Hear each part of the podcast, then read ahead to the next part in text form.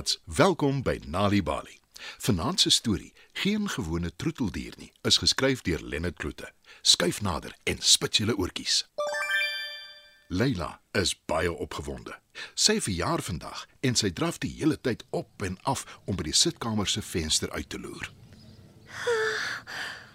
Wanneer kom pappa huis toe? Hoekom vat hy so lank? Vra sy elke keer vir mamma. Leila se pappa het vir haar 'n verrassing beloof vir haar verjaarsdag en sy kan nie wag om dit te sien nie. Ontspan, Leila. Pappa sal net nou hier wees. Lag mamma. Maar Leila kan nie stil sit nie. En wie kan wanneer hulle 'n groot verrassing vir hulle verjaarsdag verwag? Miskien is dit 'n klein katjie of dalk 'n hamster. sê Leila. Sy het pappa gevra vir 'n troeteldier en sy kan nie wag om te sien wat pappa vir haar gekies het nie. Mamma glimlag en terg. Dalk is dit 'n pop? Leila kyk vies na mamma en sê: Nee, mamma. Pappa het gesê dis 'n troeteldier. Uiteindelik hoor Leila pappa se kar in die oprit. Hy's hier. Pappa is hier. Roep sy opgewonde en draf by die huis uit om pappa te ontmoet. Dag sê verjaarsdag meisie. sê pappa en gee Leila 'n stywe druk. Waar is dit, pappa? Waar is my persent? Vra Leila. Pappa haal 'n hokkie toegemaak met 'n lap uit sy kar. Toe maak hy sy kar deur toe en sê: Maak vir my die voordeur oop, dan kyk ons. Leila huppel vrolik voordeur toe. Pappa volg haar met die hokkie met die lap oor. In die sitkamer sit pappa die hokkie op die koffietafel neer. Leila kyk afwagtend daarna en vra: Mag ek nou kyk wat dit is? Groot asseblief. Sy spring op en af van opgewondenheid. Mamma en pappa kyk na mekaar. Toe sê mamma: Ja, Leila, jy het lank genoeg gewag. Leila knyp haar oë styf toe. Ek hoop dis 'n klein hondjie. Want dis wat ek die heel graagste wil hê. Sê Leila. En sy haal die lap van die hokkie af. Sy kyk verbaas na die klein diertjie in die hokkie en vra onseker: Is dit 'n hondjie, pappa? Want dit lyk nogal snaaks. "Die diertjie blaf glad nie en dit het vlerke soos 'n vlermuis en 'n lang stert soos 'n akedus," Nee, Leila, 'n hondjie is dit beslis nie. antwoord pappa. Leila kyk vraend na hom. Toe verduidelik hy Dis 'n draakie, Leila. en net toe snuif die draakie. En hy nies. Leila se oë rek groot toe daar vlamme uit sy neusgate en sy mond kom. Sy staan vinnig terug want dis hittete of die vlamme skroei haar hare. Stoute draakie. Roep Leila. Sy staan nog 'n tree terug en struikel oor 'n stoel. En net daar beland Leila op haar sitvlak op die vloer. Sy kyk na die draakie wat sy neus teen die hokkie druk en haar stip aanstaar. Toe kan sy nie help om te lag nie, want hy lyk eintlik te dierbaar vir woorde.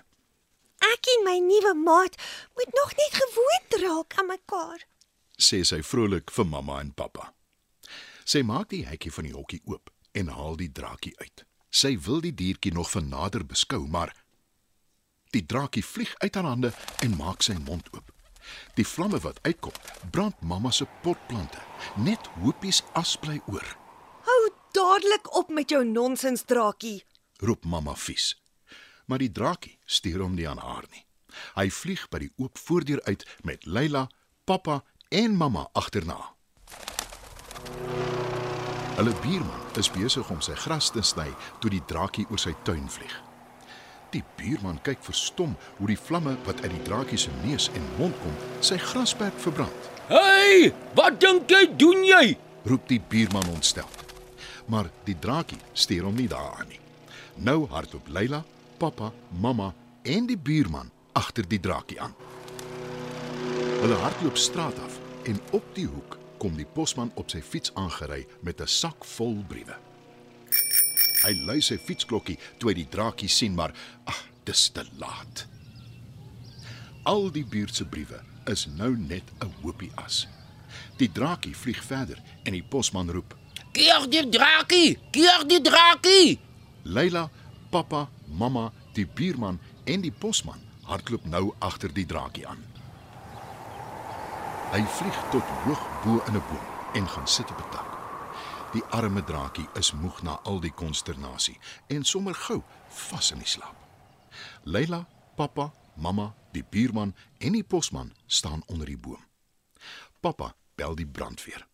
Intussen het 'n hele paar mense ook onder die boom kom staan en hulle gesels onder mekaar. Nie een van hulle het al ooit so iets gesien nie, wie se draakie is dit? vra die posman.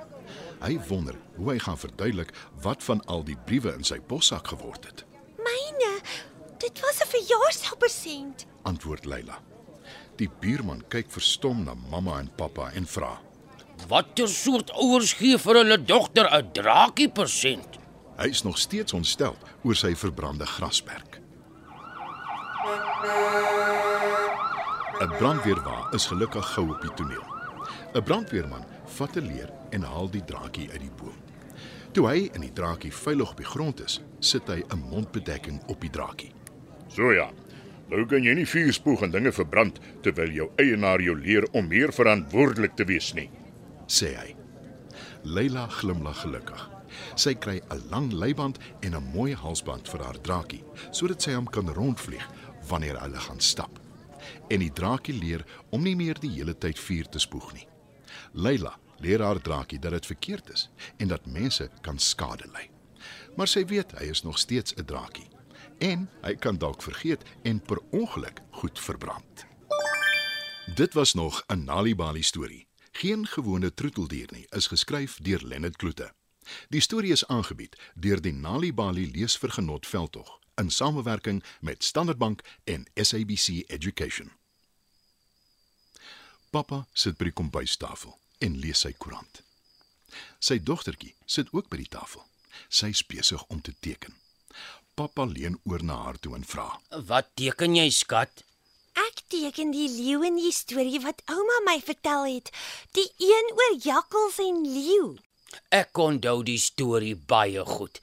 Ek het dit ook altyd geniet toe ouma dit vir my vertel het. Kan pappa onthou hoekom die jakkals so bang was vir die leeu? Stories met betekenis kan kinders help om goeie keuses te maak.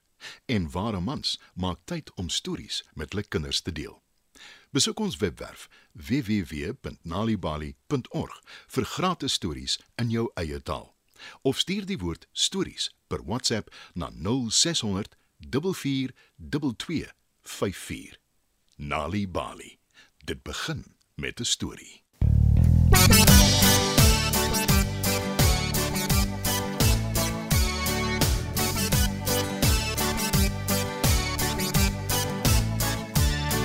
Wanneer ek soms met ons straat afstap, is daar honde by elke huis. Daar's wites en grysse, swart en bruin, daar's honde net waar jy kyk.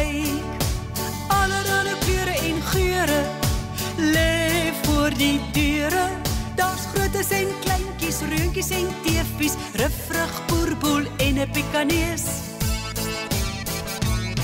Die Franse poedel is so charmant, stap straat af aan haar nooise hand. Sy kom nou net van 'n pedikuur en strikkies wat elke oor versier. Hoor op in dieselfde straat staan 'n border collie en sy maat.